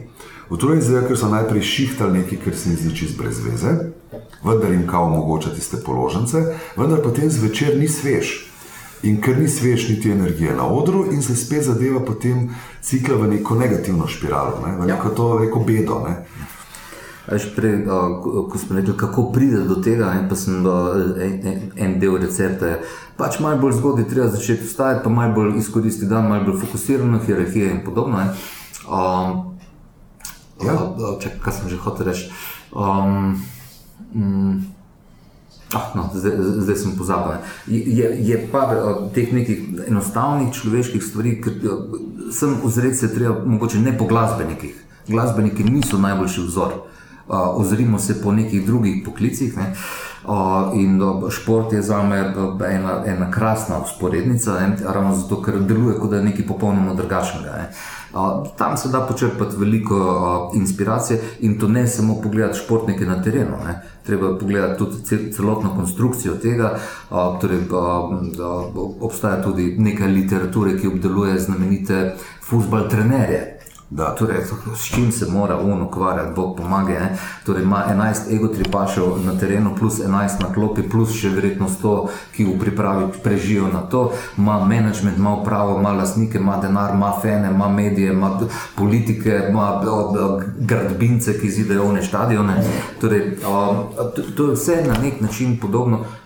Če smo sposobni prepoznati, seveda, to paralelo, je a, podobno majhnemu klubu v Ljubljani in bendu, ki nastopi Tako. takrat na tekmi, torej na odru a, tistega, a, tistega kluba. Nikola, ti sebe dojemaš kot ena vrsta glasbenega trenerja, pa tukaj. Oziroma, kje je tvoja vloga tle noter? Ker zdaj si že naštel večkrat, da te glasbeniki kontaktirajo ravno z nekimi težavami. Pa, a, veš kaj, a, vse manj in manj. A, moram reči, da zanima me ta a, drugi del. A, a, Glasbe, vse bolj in bolj ta obsežnost tega, kamor a, veliko smo se pogovarjali o koncertih. Recimo, ja. pa nekaj malega smo se dotaknili spletnih platform, pa kako plasirati neke stvari, da pridejo do ljudi. Ne. Vendar a, to, kar mene zanima, je ravno. A, Uh, aha, zdaj sem se spomnil, kaj sem hotel prej povedati. Zgodaj obstaja uh, drugi recept za glasbenika slovenskega - skromnost. Humble, to Ja, ja, ja. ne bi bilo slabo. Ja. In to je podobno kot, kot pri hvala. futbalerjih. Ti nikoli ne veš, kdaj se bo zalomilo. Futbalerju nekdo polomi nogo, a, gotovo konc karijere, vendar pri glasbeniku pač naenkrat ne vem kaj. Inspiracija preneha ali pa ne vem, tim ni ta prav, pa v momentu mine leto, dve, tri. Ne. A, torej, a, mo- moraš biti skromen, hkrati pa seveda negovati svoj ego in a, a, to prepričanje o tem, da veš, kaj ja, delaš. ne. okej. A, Zdaj se vračam pa nazaj k tem. Glasbeni posel, veš, to, to so stvari, ki so uh, uh, na meji razumljivega za nekoga, ki ni pripravljen posvetiti več pozornosti izobrazbi. Namreč, uh, to, s čimer jaz začenjam to mantro o glasbenem poslu v Sloveniji, uh, začnem iz spet najširšega uh, uh, uh, kroga informacij in sicer tako na pogrebih v Sloveniji se v enem letu naredi milijon do dva milijona evrov. Torej, ko me vprašajo, pa, kako sem prišel do te številke, ne, pač v Sloveniji je 20 tisoč odoka povprečno pogrebov na leto, za časa korone jih je bilo še nekoliko več, ampak je posel trpel kljub temu, ker so bile pač druge restrikcije. Vendar na koliko pogrebih trubentač odšpila znamenito tišino ali koliko a, a, upokojenih pevcev, nek manjši zborček, neki zapoje, pa gre 50 evrov tu, pa gre 50 evrov tam, pa gre pol še na sedmini se nekaj zapravi. Že samo na pogrebih je torej, govorimo o v tej širši sliki že o milijonih. Poroke, kaj lepšega, 6700, pa še nekaj porok povprečno v Sloveniji, a špilajo bendi tam, le, so poroke tudi brez tega, so poroke samo z DJ-jem, ampak tudi v teh primerih se nek denar okrog muske zavrti. Kaj šele, prej smo govorili, trio kvartetki, pol tam 6-7 ur neki gode, pa družabne igrice, pa pobašajo nek denar, redu, ampak so pa tudi poroke, na katerih iz klobuka lahko skočijo tudi največje zvezde slovenske estrade, rajš ne vprašamo, koliko tak paket stane. eh. A, torej, Poslovni dogodki, poslovni Tako, dogodki, torej veliko- novoletne zabave. Absolutno. In samo na porokah, po mojem oceni, se obrne paranga 10 milijonov evrov. Ne. Uh, in če začnemo to zgodbo širiti, ne, uh, uh, torej inštitut, institucionalizirana kultura, ne, uh, torej, uh, če pogledamo, koliko ljudi je na plači, recimo. Uh, Profesori glasbe v slovenskem šolskem sistemu, to je zadnja informacija, ki imam, je ranga 50 milijonov evrov na leto. A, torej razni orkestri in a, druge neke te glasbene dejavnosti znotraj inštitucij, a, nimam podatka, ampak gotovo se to meri v milijonih. Koliko stanejo nepremičnine, v katerih se glasba odvija, gotovo govorimo o milijonih. Poglejmo učitelje glasbe. Starši pošiljajo mulce ne samo v glasbeno šolo, ampak privatno, radi bi se učili kitare, radi bi se učili bobno, radi bi se učili bas, radi bi se karkoli. Pa poglejmo še industrijo uh, inštrumentov. Ne? Torej, kupiš kitaro za 100 evrov, super, harmonike ne moreš za 100 evrov kupiti, uh, klavinove ne moreš, ali pa pianina, ali pa bog ne da kaj več. Ne? Uh, vsi plehi, torej trobenta, saksofon, trombon, tuba in tako naprej. Torej, trgovina z glasbili, ponovno govorimo o milijonih. In če daš vse te milijone na kup, pa če dodaš še vstopnine na festivale, klube, če dodaš a, vse alkohole, če vape, piti, tako je. in tako. A, Oblačiti se celo. Po mojem oceni je ta bazen težak ranga 450 milijonov evrov in zagotavlja kruh za določeno število glasbenikov, za določen del infrastrukture, za lo- torej ozvočevalci, odri, lučkari, a, določen del prevoznikov, a, a, seveda čevapi pa pivo, to je po mojem Prenočišča, seveda. prenočišče. Vse, vse. In v luči tega ugotovimo, da gre za a, gospodarsko dejavnost. Zdaj pa kako se glasbenik na začetku a, kariere lahko prepozna znotraj tega. Skozi nekaj evrov, ki jih mogoče dobi za špil. Če rečemo, malo bolj advanced pojem je 100 evrov na špil po glavi. Torej, veliko slovenskih glasbenikov sanja lahko samo o tem scenariju. In upravičeno lahko sanja, dokler ne bo proizvedlo produkta, ki bo interesanten za ljudi na koncu verige, da bodo odvalili nek denar, ker vedno plačajo ljudje na koncu verige. In a, torej 500 evrov zbrati za honorar za, za bend, mora obstajati neka hudičeva motivacija za, za, za one ljudi na koncu verige. In pri tem ponovno ozrimo se vase, noč. In bom ponazoril anegdoto. A, ki mi je pa moj prijatelj v relativno znanem slovenskem bendu rekel, stari imeli smo špil v tem pa tem klubu, ti samo 20 kart je bilo prodanih, ne nobeno povedati. Ne? A, In mi grede globoko razočaran, da ga nihče od njegovih kolegov ni prišel a, pogledat, torej ljudje iz bendov. Ja, Suporterji. Tako, in moj tako instinktivno vprašanje je bilo, kdaj si pa ti na zadnje bil na špilu od katerega drugega benda. ja. In to je, a, to je nekaj, kar je zmanjkalo, in nekaj, kar pa je obstajalo nekoč. Ja. Torej, neka plemenska pripadnost, kjer so si ljudje pomagali, skupnost, hodili eni drugim na špile, a, suportirali, komentirali, a, menjavali. Torej, te neke izmenjave je zmanjkalo in to pripisujem individualizmu, ki se je a, a, razrasel pač v zadnjih 30 letih. V prepričanju, da je potica mehna in da nima smisla sodelovati, ker če bomo sodelovali, bomo mogoče participirali na tej potici. Torej, moram reči, potica je velika, po mojem oceni, skoraj pol milijarde evrov na leto. Uh, kruha je dost lahko za mnogo več ljudi, kot se zdi na, na prvi pogled, vendar kruha za mnogo več ljudi ne bo, če ne bodo ljudje sodelovali. In če ne bomo akterji, torej bo- bo stopili skupaj, kako lahko pričakujemo od, od drugih ljudi, da nas bodo suportirali. Torej, če na moj špil ne pride un iz drugega benda in če tega publika ne vidi, pismo bo rekel, zakaj smo pa mi tle, mora se resno prevprašati o, o, o smislu lastnega. Jaz mislim, da je to le čudovita misel za konc, sodelovanje. Pa tudi je to tvoj neke vrste, zdaj tvoj aktivizem, ravno to, kar si zdaj omenil, ta posrednik in razlagalec enim odločevalcem v bistvu v tem kolaču, ki je zelo velik.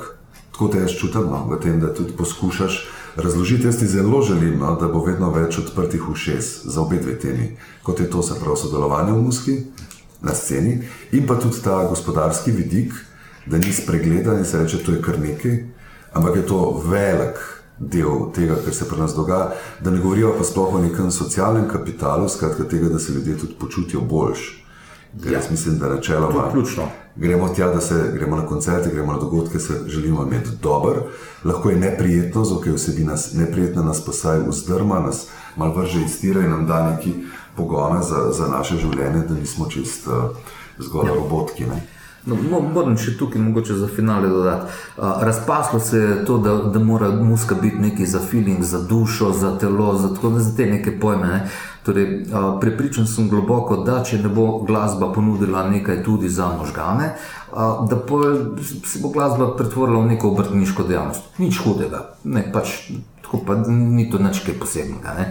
Um, Rad bi še dodal to, da o, o, slovenski glasbenik zelo rad o, v bistvu zbanalizira svoje delovanje in o, zbanalizira tudi pogled na svojo prihodnost. In, o, ta se ponuja skozi primarni stik z občinstvom in to je koncert. Torej, nastop na nekem odru. Ne. Rad bi upozoril, da je glasba bistveno več kot to. Ne. A, Torej, a, tudi viri prihodkov so lahko drugačni. To, če se ozremo po uspešnih glasbenikih ali športnikih, a, ugotavljamo, da lahko denar pride tudi od sponzorjev, od a, a, veš, trgovcev z glasbili, na, na več različnih načinov, lahko pride od mrča, majic in ja, podobnih stvari. A, Vendar uh, lahko pride tudi do neke sekundarne uporabe. In logika uh, je ponovno zelo enostavna, uh, je pa zapakirana v navidez kompleksen sistem, recimo pri avtorskih pravicah. Torej, veliko ljudi v Sloveniji pač si lahko obeta dokaj konkretne prihodke od abstraktnega pojma pravic.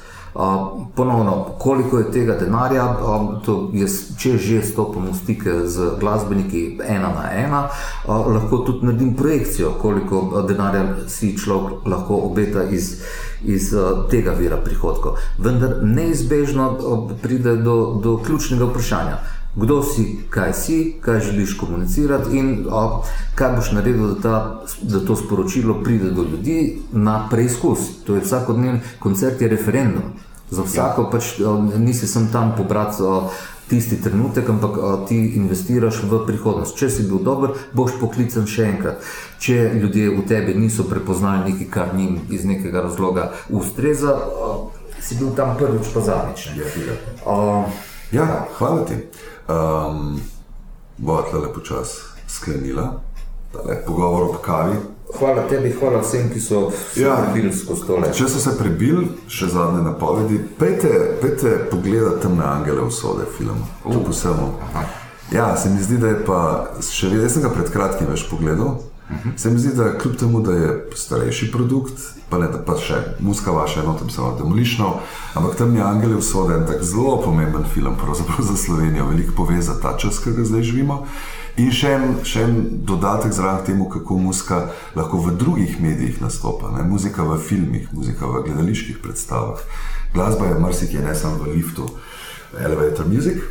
Uh, skratka, hvala tebi za čas uh, in želim ti res, da nadaljuješ z bojem ali karkoli z aktivizmom za in pravice, in pa tudi za, ta, za sporočila o sodelovanju in pa širini glasbenega posla. Uh, napoved je samo še to za odrom.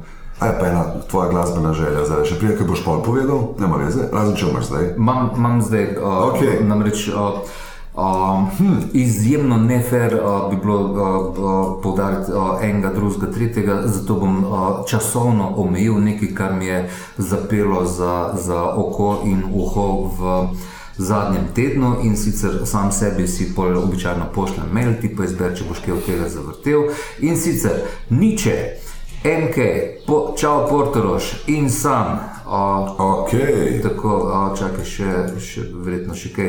A, skratka, a, želim podariti to. A, težko je spremljati a, a, kvalitetno slovensko glasbeno produkcijo, ker je izdelko, aha, bakalina, a, to Uh, sem a, a, okej. pozabil, to mi je zapelo. A, a, evo, zdaj, da ne brskam preveč. Vse redu, po imamo, Jaz čakaj, imamo sebi enkrat. moram poslati reminder, ko Ja, se mi nekaj zatakne poznam, poznam in pol sprocesira to pač v tistih nekih a, minutah, urah, ki jih mogoče v tednu še preostane, ampak je praktično nemogoče. Torej, a, ni, ni, ni šans. Ne, a, in mora obstajati nek tehten razlog, zakaj a, dati tri minute svojega življenja za nekaj, in še to, a, glede na to, da se ukvarjaš s podobnim, a, podobnimi težavami. Jaz želim a, Moskontarjem povedati eno stvar. Ko boste Maticu poslali nek material, a, pa mu rekli, hej, stari, tlele sem ene par komadov, veš, zanima me tvoje mnenje. Jaz vam povem, kako ta proces zgleda. Ene par komadov, to je pet komadov po tri minute, to je 15 minut. Kako izgleda moj proces? 15 minut preposlušam nekaj malega, si opombe zapišem, na kar poslušam 15 minut še enkrat Ponovno, in pol ja. uh, učvrstim in potem premišljujem malo o tem, kar mi vzame re- rečemo še pol ure, torej je že ena ura šla adijo, na kar običajno spišem nek komentar, nekaj aha smisel in razmišljam o tem, kaj se da narediti. Gre ali ura dan, ali gre dve minuti zdaj v banji, ali gre o- med vožnjo 10 minut, potem se dobim z vami. Ej, alo, stari sem, dobimo se na en kofe in ta kofe ne traja nikoli manj kot uro in pol ali dve, na kar a, vi poberete nekaj in pol naredite s tem nekaj in pol mene spet poprašate za feedback in to. Torej, a, za, ej, stari, ene par komadov sem, če bi mal poslušal, ker to je tako, veš, boš hiter. Ker to rad počneš itak Tako, ja. grede, ja. A, je v momentu 8 fucking ur življenja ne? in jaz to z veseljem komu dam, z veseljem pa komu tudi ne dam. Ne, pač, Bog pomaga, ni šans, ker če ne bi lahko sem to pač počel dobro namerno a, a, skozi leto in to, to je nemogoče. Ne? A, torej, bolj kot je a, pogumna, zanimiva, izvirna vsebina, lažje je stopiti v ta krok. res je. Hvala. Napoved za zaodrom naslednjič pa bosta gosta dva. Torej, 20 let se že ukvarjata z koncerti in promocijo, na metal sceni zelo znana, torej Veseli Dihurčki ali Dirty Skunks v naslednji ediciji za odrom, torej Črt in Matej, za danes pa hvala in tvoja izbrana glasba Nikola. Hvala, čau.